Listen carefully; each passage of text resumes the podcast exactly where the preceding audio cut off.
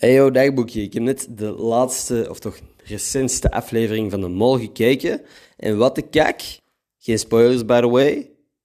En ik ga ook geen namen noemen, want wat ik wil zeggen is eigenlijk gewoon...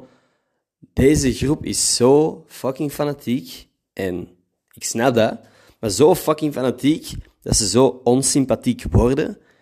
De manier waarop dat die met elkaar in interactie gaan, is zo vijandig, zo snel. En ik heb het gevoel dat de afgelopen jaren er steeds wel meer een soort vriendschapsband was vanaf de eerste afleveringen. Of toch na een paar afleveringen op zijn minst.